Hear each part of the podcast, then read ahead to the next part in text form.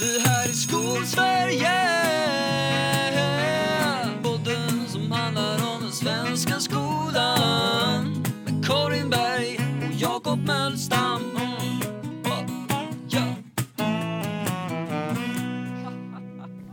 ja.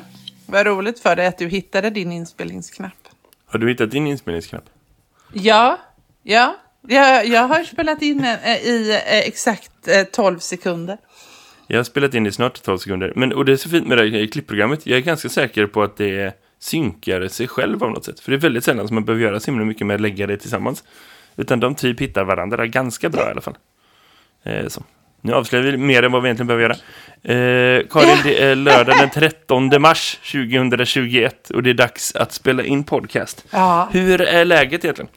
Ja, eh, alltså det är den här, eh, jag, jag, jag Eh, ja, vaknar upp efter en, en extremt intensiv vecka där vi har, eh, ja, vi har fått ett sånt roligt besked över våran, alltså vad våran verksamhet ska ägna sig åt eh, nästa vecka och framåt. Det är nämligen så att trots att smittspridningen ökar på grund av att man tror att vi är på väg in i en tredje våg så inser man också att den, de ungas ohälsa skenar på grund av stängda skolor. Eh, och här är ju då Göteborg, har ju det värre än på andra ställen eftersom göteborgska skolor har varit stängda mer än generellt mm, på andra platser i, i Sverige. Eh, utan eh, det, ja, på de allra flesta håll i Göteborg så har inte eleverna haft en riktig skolvecka på ett års tid den 17 mars. Eh, och det är värt att betänka och beakta eh, faktiskt. Eh, men nu har vi fått ett besked att vi ska från och med nästa vecka garantera 20% undervisning per individ eller per elev i, i skolan. Och det är ett pussel. Som är liksom undervisning på plats då? Bara så Ja, förlåt, förlåt, förlåt. Ja. Ja. Undervisning på plats naturligtvis. Eh, per individ. Eh, så att, och det är inte då som det har varit innan, som, som det har varit innan i vår organisation, att man har sagt att 20 procent av eleverna ska vara borta och, och eh, 60 ska vara på plats och sådär. De typen av procentsatser har vi fått, men nu är det en helt annan eh, del, att vi får inte liksom prioritera själva, utan det är så att varje individ har rätt till 20 procent. Och det ställer till det kan man ju säga, eh, samtidigt som jag förstår att man har gjort så, så, så ställer det till det. Eh, vilket du kan förstå tror jag. Absolut. Om man tänker att det är... Alltså, att, det ska, att det finns särskilda förutsättningar för hur det ska kunna genomföras och gå till Mm. på ett bra sätt. För man kan inte slänga ut liksom, eh, åtgärder för att minska smittspridning bara för att liksom, eh, folk mår dåligt. Så. Även om man kanske kände för det. Så, så förstår jag absolut att 20% blir en väldigt hög siffra. Liksom. Eh, så. För det finns inte lokaler. Det är det man måste förstå. att liksom, I Sveriges 290 kommuner så är det en stor, stor, stor majoritet som har en eller två eller tre gymnasieskolor där man kan hantera liksom, eh, gymnasiet väldigt liksom, behändigt ändå, jämförelsevis. Medan det finns en, liksom, mm det finns en, en, en hel skog av gymnasieskolor i en handfull kommuner. Och det blir mycket, mycket, mycket svårare att genomföra. Ja, men, eller hur? Min son går på en gymnasieskola som har eh, den, den stora fördelen att de har skjutväggar mellan sina salar. Så de kan liksom skjuta upp en vägg och få då ett dubbelklassrum där de då kan sitta och vara i en klass. På sina, det blir en väldigt enkel lösning. De får stora salar där man får stort avstånd mellan elever. Eh, och så om de tar in 20 procent ja, om de tar in en, en, en mycket färre antal så blir det ju väldigt mycket enklare. Medan våran skola som är byggd 1800, 1870 kanske, jag brukar sla, slira, jag tror 64, jag kommer faktiskt aldrig ihåg när våran skola är född. Eh, den har ju då sko, eh, en eh, salar som eh, oftast eh, beräknades kunna rymma 20 elever. Eh, och det säger ju något om hur och trångt sånt går ju det är när om man har en, en 33. organisation som är en skola, eller hur? Det är det som är grejen. Ja, Det är det som är den stora skillnaden. Mm. Att när man har en skola så är inte det omöjligt att fixa för man hittar alternativ. Eh, åt skolan Mm. så. Medan liksom när man har gymnasieskolor som är byggda 2020 och gymnasier som är byggda då och liksom det är så himla många olika att det är ingen som har hela liksom bilden, det, då blir det ju liksom inte så mycket mer än, ja det här får ni fixa. så. Nej men precis, och, och jag, jag, ser ju hur våra grannskolor har gjort att man har försökt, men man, man gör på olika sätt runt om i staden. Eh, det vi har försökt, vi har verkligen gjort en sista kraftansträngning tror jag, för jag tror inte vi kommer att orka göra fler. Men vi har verkligen gjort allt vi kan för att eh, liksom väcka eh, människor runt omkring oss och försöka få tag i externa lokaler. Vi har tittat på utomhusundervisning, eh, utomhuspedagogik. Vi har tittat på eh, hur man skulle kunna göra det med teknik och hör, alltså att man kan höra varandra utomhus och på olika sätt. Och, eh, vi har pratat med Göteborgs eh, eh, fritidsförvaltning om att få låna eh, varma kläder och så vidare. Så det, det, finns en uppsjö av idéer för att det här ska kunna ske så smittfritt som möjligt samtidigt som vi då ska kunna ta in klasserna. För att vi tror ganska hårt på att dels att undervisningen blir bättre om de är i helgrupp och att vi slipper hantera en halv grupp i datorn eller två tredjedelar i datorn. Eh, samtidigt som vi har en tredjedel eller en halv klass på plats. Det tror vi är, blir svårt ur undervisningskvalitetssynpunkt, men samtidigt så, så kräver ju det här att man orkar tänka utanför boxen och orkar vara flexibel. Och det återstår väl att se om vi orkar det. mm. Ja, men såklart. Det mm. förstår jag. Och det där är också ganska symptomatiskt för lärare att man även ett år in i en pandemi är så här Ja, nej men uh, vårt stora problem här är att den här undervisningen är inte bra nog. Liksom så. det, det är ju fint att man har kvar den måttstocken så. Jag tänker att det, det är bra om man kan lösa det. Kan man inte fixa det så att undervisningen blir bra nog utan man får tänka att det här är lite, lite bättre än, än vad det är när alla sitter hemma. Ännu en mm. vecka, ännu en månad. Det är också bra, faktiskt så. Det, ja, det ska man inte må dåligt över överhuvudtaget. Eh, Nej, men det ska man inte. Det enda som hände mig var att jag provade det. Jag provade att ha en tredjedel i klassrummet och två tredjedelar hemma under en lektion. Och jag blir väldigt sällan stressad. Alltså när saker, jag kan ju du vet ha bråttom till saker och få ordning på saker, men jag blir väldigt sällan stressad. Det har hänt otroligt mycket konstiga saker genom åren i ett klassrum sådär, så man, man är ganska lugn. Men det kände jag, ska jag leva i den världen att ha koll på de här 17, det gick över min simultankapacitet tror jag. Att ha koll på de här eleverna i datorn och de här eleverna i klassrummet samtidigt. Det var otroligt svårt. Eh, Men jag tänker att det måste vara en designfråga. Att det, ja, det är klart det måste att det finnas bättre och sämre sätt att lösa det också. Eller så. Men jag ja. förstår att det, det kanske inte är värt att lägga tid på det. Att Nej. utveckla det bra om vi ändå inte ska göra det så himla mycket längre till så här, ta i trä. Men liksom om, om, om man tänker att det, det ändå finns i slut och att vi kanske inte är så intresserade av den sortens kombinerad undervisning om man ska tänka framåt. Mm. Så, så kanske det inte är, det här är rätt tid och plats att hålla på och lägga en massa tid på att designa det bra. Utan att kan man hitta lösningar som, som det du beskriver så är det väl bra, antar jag. Ja, men eller hur. Men, men, men samtidigt så är det ju, det, det här är svårt och det ställer, stora, ställer höga krav på oss. Uh, men därför så har jag väl en liten sån här grej som jag har tänkt på den här veckan faktiskt mer än vad jag har tänkt på den här lös, alltså att lösa den här frågan nu. Det hamnar ju på mitt bord lite att lösa eftersom jag har ett sånt där samordningstekniskt ansvar och utvecklingsansvar på skolan. Och så, så, hamnar, så hamnar jag ju i de här mötena av den anledningen. Uh, men jag har tänkt på en sak otroligt mycket mer. Och, vet du vad det, och det är ju konstigt med tanke på hur mycket tid detta har tagit. Eh, och vet du mm. vad det är? Nej. Nej men, det, eh, och det, nej men det handlar om den här grejen att jag har under den här pandemin, helt utan att vara, jag är inte någon statsepidemiolog, eller vad heter det? Stats, det är roligt att ett år in i pandemin så kan jag inte säga det ordet. Men jag är ju ingen sådan och jag är ingen person som, som liksom Eh, alltså, jag kan ju väldigt lite om pandemier i övrigt så. Men ja, man har ju ändå lyssnat, man har tagit reda på, man har pratat med människor som vet mer. Jag har från dag ett in i det här och det har ju både du och jag liksom, eh, tagit reda på. Hur har andra människor gjort i andra sådana här situationer? Vad är det som är viktigt att tänka på och så vidare och så vidare. Just den blicken utanför min, mina fyra väggar. Och i det så har det ju varit så att jag har sett saker som eh, min skola eller min skolorganisation, alltså min huvudman, inte har gjort. Eh, och som man liksom inte har brytt sig om att göra och som jag har påpekat att gör vi så här som ni vill nu så säger det här och det här och det här och det här eh, de här människorna att det kommer att bli fel så kan vi snälla, snälla, snälla istället ta och lyssna på de här människorna som har gjort det här förut.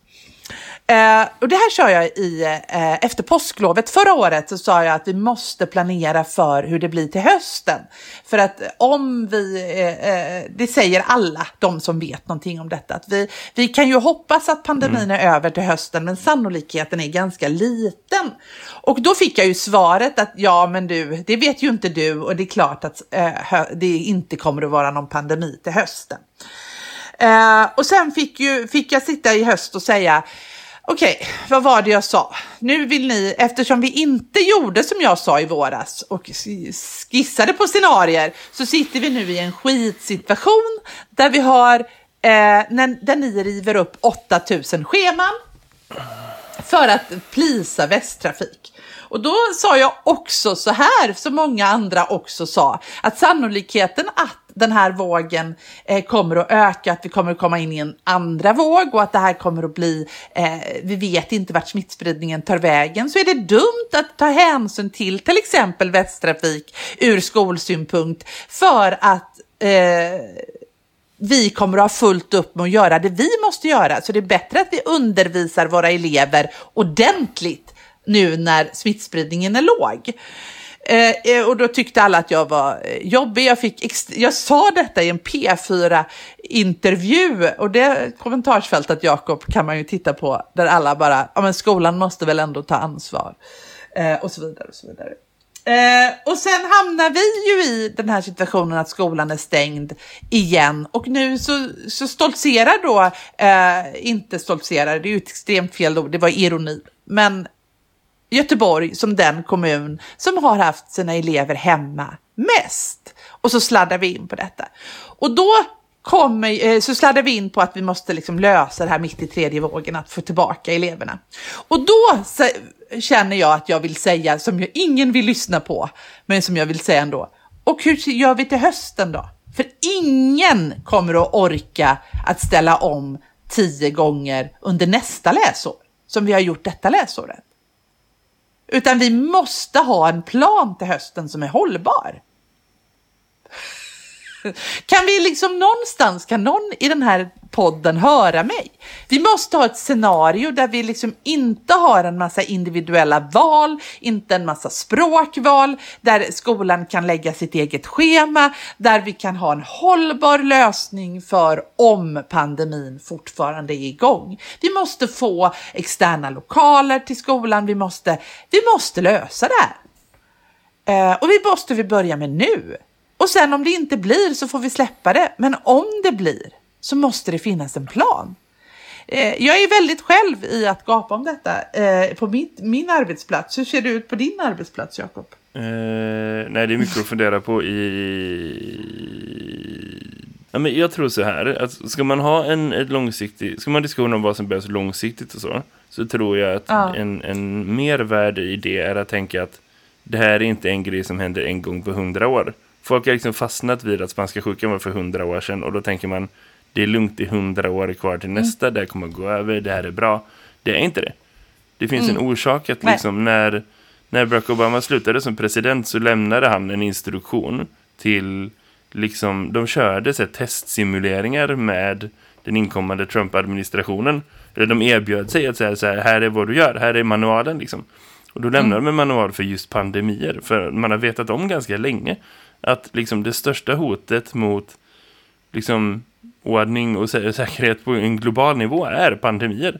Det är en av de största hoten som finns och det kommer inte gå över. Det är inte som att vi är liksom för alltid immuna mot alla saker som kan hända för att vi tar oss igenom det här. Nej.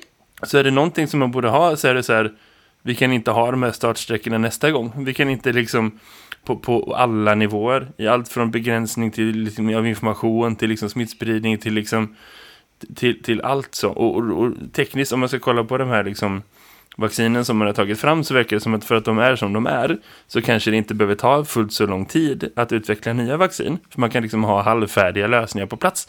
Lite så som man har gjort med det här. Så det faktumet att det här vaccinet är liksom en femtedel så lång utvecklingstid som, som alla andra vaccin vi någonsin har sett förut. Det behöver inte vara så himla konstigt om man ser det framåt. Men, men liksom, samma sak måste gälla skolan också någonstans. Mm. Att vi behöver utveckla stabila och liksom hållbara planer. Det mm. borde ju vara liksom kriminellt att inte planera framåt på det sättet som så många olika organisationer inte hade förmåga att göra vid den här tidpunkten för ett år sedan. Eller liksom i april för ett år sedan. Eller i maj mm. för ett år sedan. Så. För man kunde inte föreställa sig att det skulle hålla på så länge. Det är ju liksom spännande nu när det är Nej. ett år. Att det började dyka upp liksom så hur folk pratade om det. Allt från hur chefer pratade till hur, hur liksom hur, hur, man i media pratade till liksom så, och det var så här, ja men vi stänger ner nu och så eh, om fyra veckor ses vi igen och så är det här bra, liksom. Och, och det är ju folk mm. som verkligen får skämmas för sådana uttalanden nu. Men, men samtidigt måste man komma ihåg att det var ingen av oss som kunde föreställa sig att det skulle hända. Du och jag satt och skojade i den här podden för typ 14 månader sedan om att liksom, åh, i Kina bara stänger de skolan och går över på distans. Ja, det är sånt där händer bara i kommunistländer, vet du, diktaturländer typ. Sen händer det i hela världen. Jag menar, vi är precis lika medskyldiga att inte kunna förutse den här grejen. För att vilka var det som fattade att pandemier var ett globalt problem? Ja, men det var ju typ den extrema, extrema politiska ledningen och liksom typ Bill Gates, liksom, men inte så många andra människor. Så att, eh, Nej. Här, det kanske var hundra personer i världen, tusen personer i världen som, som kunde förutse det på ett vettigt sätt. Eh, och ingen av dem är grundskole- eller, eller gymnasiechef i Göteborg eller i någon annan svensk kommun. Och det kanske inte sådana människor ska vara heller. Men, men ödmjukheten för liksom den, att man tänker framåt, absolut. Om man ska diskutera mer specifikt, så vad är oddsen att vi måste att vi kommer att ha en skola i höst som är likadan som det är nu. Det tror jag ändå är ganska litet. Om du jämför Nej. med... Men låt mig berätta. Eh, så här, eh, målet att alla vuxna ska vara vaccinerade till midsommar, ja, det kan ju vara en dröm. Men liksom, det är skillnad på september och juni för det första. Och för det andra, alla vuxna måste inte vara vaccinerade för att vi ska kunna liksom öppna upp. Kolla i Danmark där man säger att så fort alla över 50 är vaccinerade så kommer vi nog kunna ha det ganska normalt igen. Det ena. Kolla på liksom USA där man säger att där Biden säger att alla lärare borde erbjudas vaccin innan mars är slut. Och det är liksom inte han som bestämmer det, men han kan ändå liksom säga delstaten, ni borde göra så här. Och i många delstater så är det en, en, en inte helt omöjlig liksom genomförbar strategi. Och då börjar man prata om saker, men hur ska vi öppna upp, när ska vi komma tillbaka två dagar, tre dagar, precis det som du diskuterar liksom, på din skola. Den diskussionen finns i hela världen där det fortfarande finns skolsystem som är stängda. Liksom, där, man, där man diskuterar så här, okej, okay, men vilka regler måste gällas för att det ska kännas bra igen? För att vi kommer inte kännas som att, ja men det är lugnt, nu kan vi ha 35 personer i det rummet för 20 utan ventilation. Det kommer aldrig folk vara helt bekväma med igen. Men när är det liksom tillräckligt vettigt för att man ska kunna gå tillbaka steg för steg eller lite grann eller så.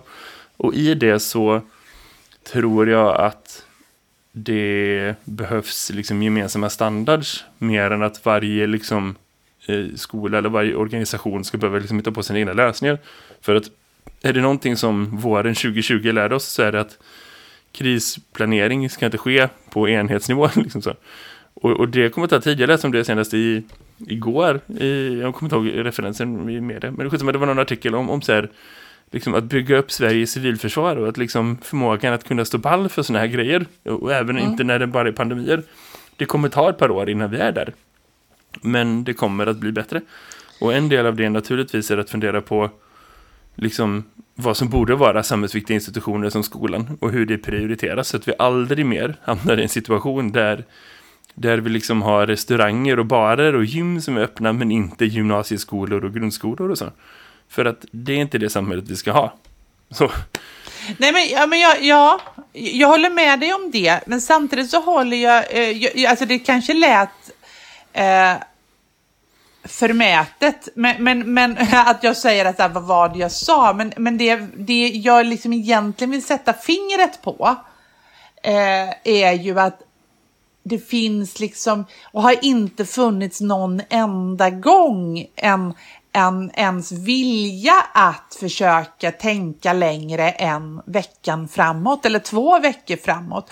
Och man har också trott och sen så tar man då den, alltså det är klart att jag också hoppas att vi är vaccinerade och skolorna öppnar till hösten. Men det var ju, trodde jag ju faktiskt också, alltså jag trodde ju det under sommaren när smittan gick ner så långt ner så trodde man ju ändå att ja, men nu, nu kommer det väl ändå att hända någonting. Eh, så här. Men det spelar ju ingen roll vad jag tror, utan vi måste ju ändå någonstans också eh, förbereda oss för det vi liksom inte hoppas på, det vi inte tror. Och här behöver väl egentligen då eh, en, en statlig organisation eller ett skolverk eller någon, någon eh, liksom övergripande gå in och säga att, att hörni skol huvudmännen, ni måste ha en planering för eh, scenario 1, 2 och 3 till exempel. Vad gör, alltså, så, så att man kan liksom sätta in det om det skulle vara så. För nu blir det ju så att man, man, man fattar beslut med två veckors liksom, framförhållning och sen lämnar man det till rektor. Och jag tror inte rektor kommer att orka och jag tror inte lärarna kommer att orka och absolut inte eleverna som är de som betalar priset om vi inte gör något vettigt istället. Förstår du vad jag, vad jag är ute efter? Nej, för jag tror att folk gör så vettigt som de kan under de förutsättningarna de har. Faktiskt. alltså jag, jag, tror det är det som händer. Nej, men tycker du verkligen att vi, vi har... Eh, tycker du verkligen att, att vi inför hösten ska utgå ifrån att det är som vanligt? Nej, det är inte det jag säger. Men det jag säger är att jag, jag tror att vi, vi ska inte utgå från att det kommer att vara som förra hösten. Så. Att, att man måste tänka att det kommer finnas en annan situation. Det är klart att vi ska planera framåt för att vi håller på att planera organisationer framåt. Det är liksom en del av den naturliga cykeln som finns i skolan. Eh, så. Men jag tror inte att man kan liksom förvänta sig att det inte ska kunna komma nya bud. Eh, och att man får ta det ett par veckor i taget för att vi vet inte hur det ser ut. Och vi vill ha det så öppet som möjligt. så. Jag tror inte att någon kommer kunna säga så här, det här är det som gäller från augusti till december. Utan att man liksom, det enda sättet att komma fram till det är att man blundar för vad som händer. Och säger nu kör vi som vanligt då. Det är det enda alternativ som finns som är, som är liksom genomförbart på det sättet. Och jag fattar att det är irriterande att man behöver liksom anpassa sig i det. Men jag tror ingenting blir bättre av att man liksom Nej, men det går ju, ja. förväntar sig något annat. Eh, så. För jag, jag, jag, kan inte se, jag kan inte se någon annan lösning. Jag kan inte se hur man skulle kunna planera det på ett annat sätt. Än att man liksom, ja, att, att man, man skulle kunna prata om, om kolla om hur det är i, i Norge där man har liksom färgkoder. Där liksom politiker kan säga så här, nu har vi röd zon i Oslo-området, även för mm. skolor, och då betyder det det här. Och så har man liksom, då öppnar du sida 14 mm. och så läser du vad det är för instruktioner. Absolut, mm. det är en tydligare kommunikation. Eh, så. Men det är också att man låser in sig lite olika alternativ. Men, men det är en tydligare kommunikation. Men, men det är också kosmetika jämfört med liksom vad det är. För att de byter ju liksom eh, sko skolorganisation som en annan byter liksom underkläder. För att det, alla gör så nu. Alltså jo, det fast, måste vara på det sättet. Jag, jag tänker att det inte... Nej, men jag tänker att lösningen är en, en alltså det måste ju finnas en större eh, lösning. Alltså det måste finnas en plan. Alltså, en, en av våra stora, alltså en sån enkel sak som att en av våra stora, stora, stora eh, stötestenar det här året. Eh, och det här är på detaljnivå, men det, det är att, att vi blandar elever från åtta olika skolor i en och samma klass när de har valt då att läsa franska. Eh, det är en sak som vi, vi behöver, vi kan inte ha det så. Eh, för att det kommer inte att bli bra. Men, men det finns ingen i vår organisation som vill ta den bollen. Utan så gick ju innan pandemin och så hoppas man på att det ska gå efter pandemin. Och så säger man att det här vill jag inte, men vem ska vara fransklärare hos oss då? Säger man då. Det blir för dyrt. jag, jag skiter i vem som ska vara fransklärare hos oss, men då får man väl inte läsa franska? Alltså någonstans så är det ju liksom, och det, så kan vi ju inte... Eller så får de individuella valen vara på distans. Det är ingen som kommer gråta för att liksom, du har någon lektion här och var som inte är fysisk, helt ärligt. Då kanske det är det sista man bara tar tillbaka så är det bra. Så behöver det inte kosta en extra spänn och du behöver inte liksom tumma på kvaliteten i vad som finns för alternativ. Så det går ju liksom att, att Ja, utveckla det- också ja. naturligtvis. Jo, men det, ja, det, det, jag önskar att det var så enkelt, men det är tyvärr inte så enkelt. Men det, jag förstår vad du menar. Det är förflyttningar och platser, var ska de eleverna sitta och salar och skit och fan istället för att bara lösa det och säga att nej, men nu fick det bli lite mindre grupper och så fick det kosta lite mera pengar, punkt. Så, så eh, känner jag någonstans att, och så får man inte ha en katalog med individuella val. Jag tror vi överlever det. Jag tror inte vi överlever något annat. Ja, absolut. Jag tror liksom inte att du mår bättre av att du får välja mellan 75 olika val. Istället så kan du välja mellan fem olika saker du ska göra två dagar i veckan. Jag, jag är inte säker på att det gör oss lyckligare. Eh, det är ju en sån sak. Men, men sen så tycker jag väl att, att vi, vi skulle vilja att man faktiskt... Eh, eh det, det känns som att man inte är på tårna utan att de är ju naturligtvis lika trötta som vi är. Och det oroar mig väldigt, väldigt mycket faktiskt hur det ska gå. Eh, men det kan vi inte prata om något roligt istället, Jakob. Jag kände att jag inte ville prata om det här mer. Nej, jag tror jag pratat färdigt om det. Eh, Jag tänker att det alltså en grej som man inte är så mycket med på just nu för att världen är som den är och så. Det är att vi är mitt uppe i en avtalsrörelse för alla som jobbar inom det kommunala eller alltså inom SKR-området. Eh, så. Nästan inga eh, lärare jobbar inom regioner, men det finns folk som gör det. Eh, så. Eh, och, och där händer ju ändå grejer. Nu ska man inte vara så naiv man tror att centrala avtal för lärare någon gång kommer vara liksom revolutionerande bra. För att är det någonting historien har lärt oss så är det att det inte är lösningen på alla problem. Men det kanske är så att liksom just i den situationen vi är i nu, om man tänker efter, så finns det ju uppenbarligen en förståelse för att vi inte kan ha det som vi alltid har haft det. Och det finns en, en förståelse för att livet efter den här pandemin kommer behöva vara annorlunda för Sveriges skolor. Så. Och jag tänker att det, det fanns spännande tid ändå att, att fundera på så här, vilka regler ska vi ha för saker som arbetsbelastning eller villkor eller liksom vem vet, kanske är det så att lärarna blir det första området som får liksom kollektivavtal som också får med hur man ska agera i framtida sådana här händelser så. Eh, som inte haft det förut. Det har ju funnits i vården för man har planerat för vården även när det är kris. Så. Men vad jag vet så finns det inga krisavtal för lärare. Vi vill knappt att vi räknas som liksom, eh, samhällsviktiga institutioner, alltså på det sättet. Tänk om man skulle ha ett, ett, ett kollektivavtal som sa att liksom, händer sån här skit igen så är det om inte grupp 1 så grupp 2. Det liksom förhandlar vi oss till att få vara en del av. Så.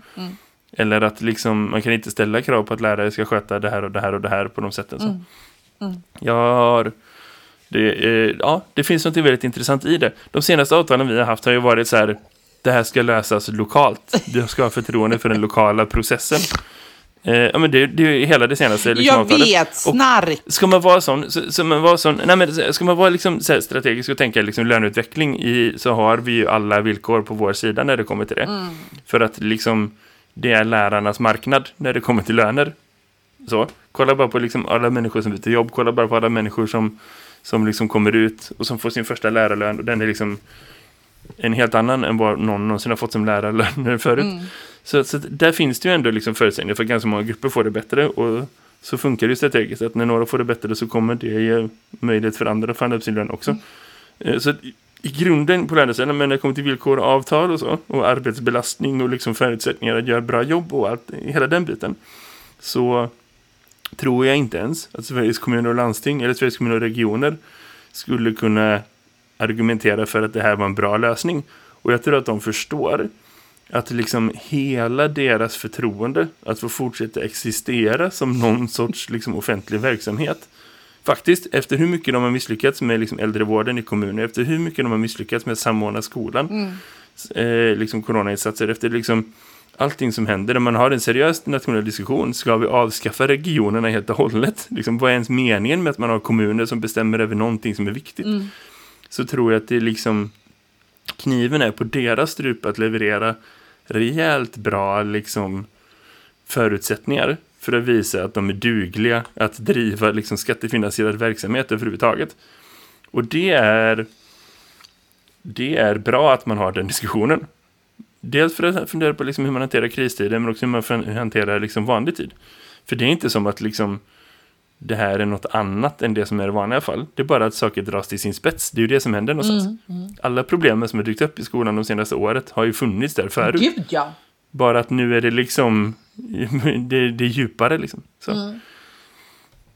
så det finns väl någonstans i det. En, ändå en, jag vet inte om det är ljus i en tunnel, men det är en spännande process. Och jag tror att man tjänar på att diskutera det mer. Med kollegor, att i samhället, med liksom folk runt omkring. Att, att det får inte vara en process som pågår i det tysta. För att eh, vi bara pratar liksom Folkhälsomyndighetens presskonferenser och deras nya restriktioner. Utan att man måste också måste tänka vad finns det för förutsättningar runt omkring. För det här är ändå en stor del av att bygga ett bättre samhälle sen liksom. Vilka förutsättningar vi har för skolan och för lärarna Ja. över längre tid. Och, och vad som ska gälla i, typiskt för att gäller det i två, tre, fyra år. Det är svinviktiga diskussioner. Eh, så. Och om det igen hamnar i att vi ska hoppas att kommunerna löser det själv, då tror jag att vi har större problem än corona, om det ska vara så. Ja, det känns ju verkligen så. Men, men, men jag måste fråga dig en sak som jag, som jag undrar lite över. För att när, när till exempel en, en, en vårdavdelning går in i stabsläge eh, så, så handlar ju det också om att, att de som är anställda får ju liksom eh, jobba mer helt enkelt. Det är, och så får de ju naturligtvis mer betalt. Men jag undrar också om eh, en, en avdelning i stabsläge, eh, är det så att arbetsuppgifter också prioriteras bort? Det borde ju rimligen vara så att vissa saker då inte görs. Stämmer det, tror du? Eller vet du det? Alltså, jag såg ju siffror på, i början på året på hur många operationer som ställdes in under förra året. Om man ska tänka så. Så att, ja, absolut att det finns liksom vård som prioriteras bort och så. Det tror inte jag eh, behöver vara kopplat till stabsläge, utan det tror jag man gör ännu tidigare. Men, men att det ändå finns en möjlighet att vara så här, okej, men nu ska vi jobba med det som är viktigt. Så. Det som, ja, Och och man försöker prioritera det i skolan också. Men man försöker göra det genom att liksom en generaldirektör står någonstans och säger nu ska vi prioritera det som är viktigt. Och så, ja okej, men vad? Eller att man tar bort lite nationella prov och tänker så här, ja men det är bra. Men, men, det, och det, sånt är ändå är betydelsefullt, men det är, det är inte riktigt samma grej. Kan man Nej säga. men eller hur, för det är väl det man kan känna att man saknar när man, när man nu liksom, det kräver att man är extremt självständig i sin tolkning och att man har läst de allmänna råden eh, och känner att de, de tänker jag följa för där står det ju liksom egentligen att det du har undervisat om det är det du betygsätter och så, är det, så blundar man för resten liksom. Eh, det, det, men, men det hade ju varit någonting om man i, hade den typen av klassificering där man också är förberedd på igen då. I ett avtal att om det skulle vara så att vi behöver liksom gå in i stabsläge eller vi behöver eh, liksom eh, gå in i ja, zon, någon annan zon eller något annat liksom, för att det är kris.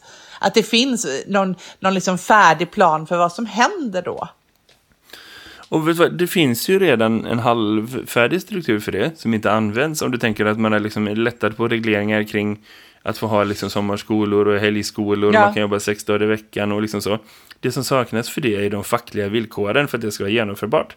För vad som händer när man ställer in massa operationer är att nästan alla de behöver ju genomföras senare. Eh, så. Vilket innebär att det måste finnas mer verksamhet, det måste finnas mer jobb. Och ska vi göra så i skolan, skulle man säga så här, nu skiter vi i de individuella valen, nu skiter vi i de här grejerna, om vi nu ska liksom göra det till ett gymnasieavsnitt. Om man skulle liksom prata om, om, om att liksom, okej vi fixar det så här och så. Men vi ska inte ha massa människor som behöver liksom gå om för det. Det innebär ju att man måste undervisa mer och elever måste lära sig mer mm, längre fram. Någonstans. Och det får ju inte, det finns inte en lärare i Sverige som skulle gå med på det. För att vi inte har de villkoren det. Men har man tydligt så här, det här är vad det innebär i kronor, det här är vad det innebär i villkor. Det räcker inte med att liksom man säger att man får ha skola på lördagar. Vi måste ha någon som jobbar där på lördagar. Ja. Och då ska vi ha en plan för det. Eller liksom att vi, vi har industrisemester i skolan och så. Fine, det är en jättebra lösning, men de fackliga delarna finns inte där. Och det kanske skulle kunna vara bra om det var i alla fall en bilaga framåt slutet på nästa centrala överenskommelse. Det kan vara ett medskick ut i eten så här när vi rundar av ännu ett avsnitt Ja, i absolut. Alltså vi den långa förbereder resan oss. som är vår podcast. Ja, eller hur? Vi förbereder oss inför eh, att det här kanske är det nya, det nya nu. Helt enkelt. Mm. Ah, Ja, men det är bra. säger hon trött. Ja. Hurra, Jakob! Vi... Hurra på dig Karin. Ja. Vi hörs. Det här är gött, hej. bra, hej! Det här är Skolsverige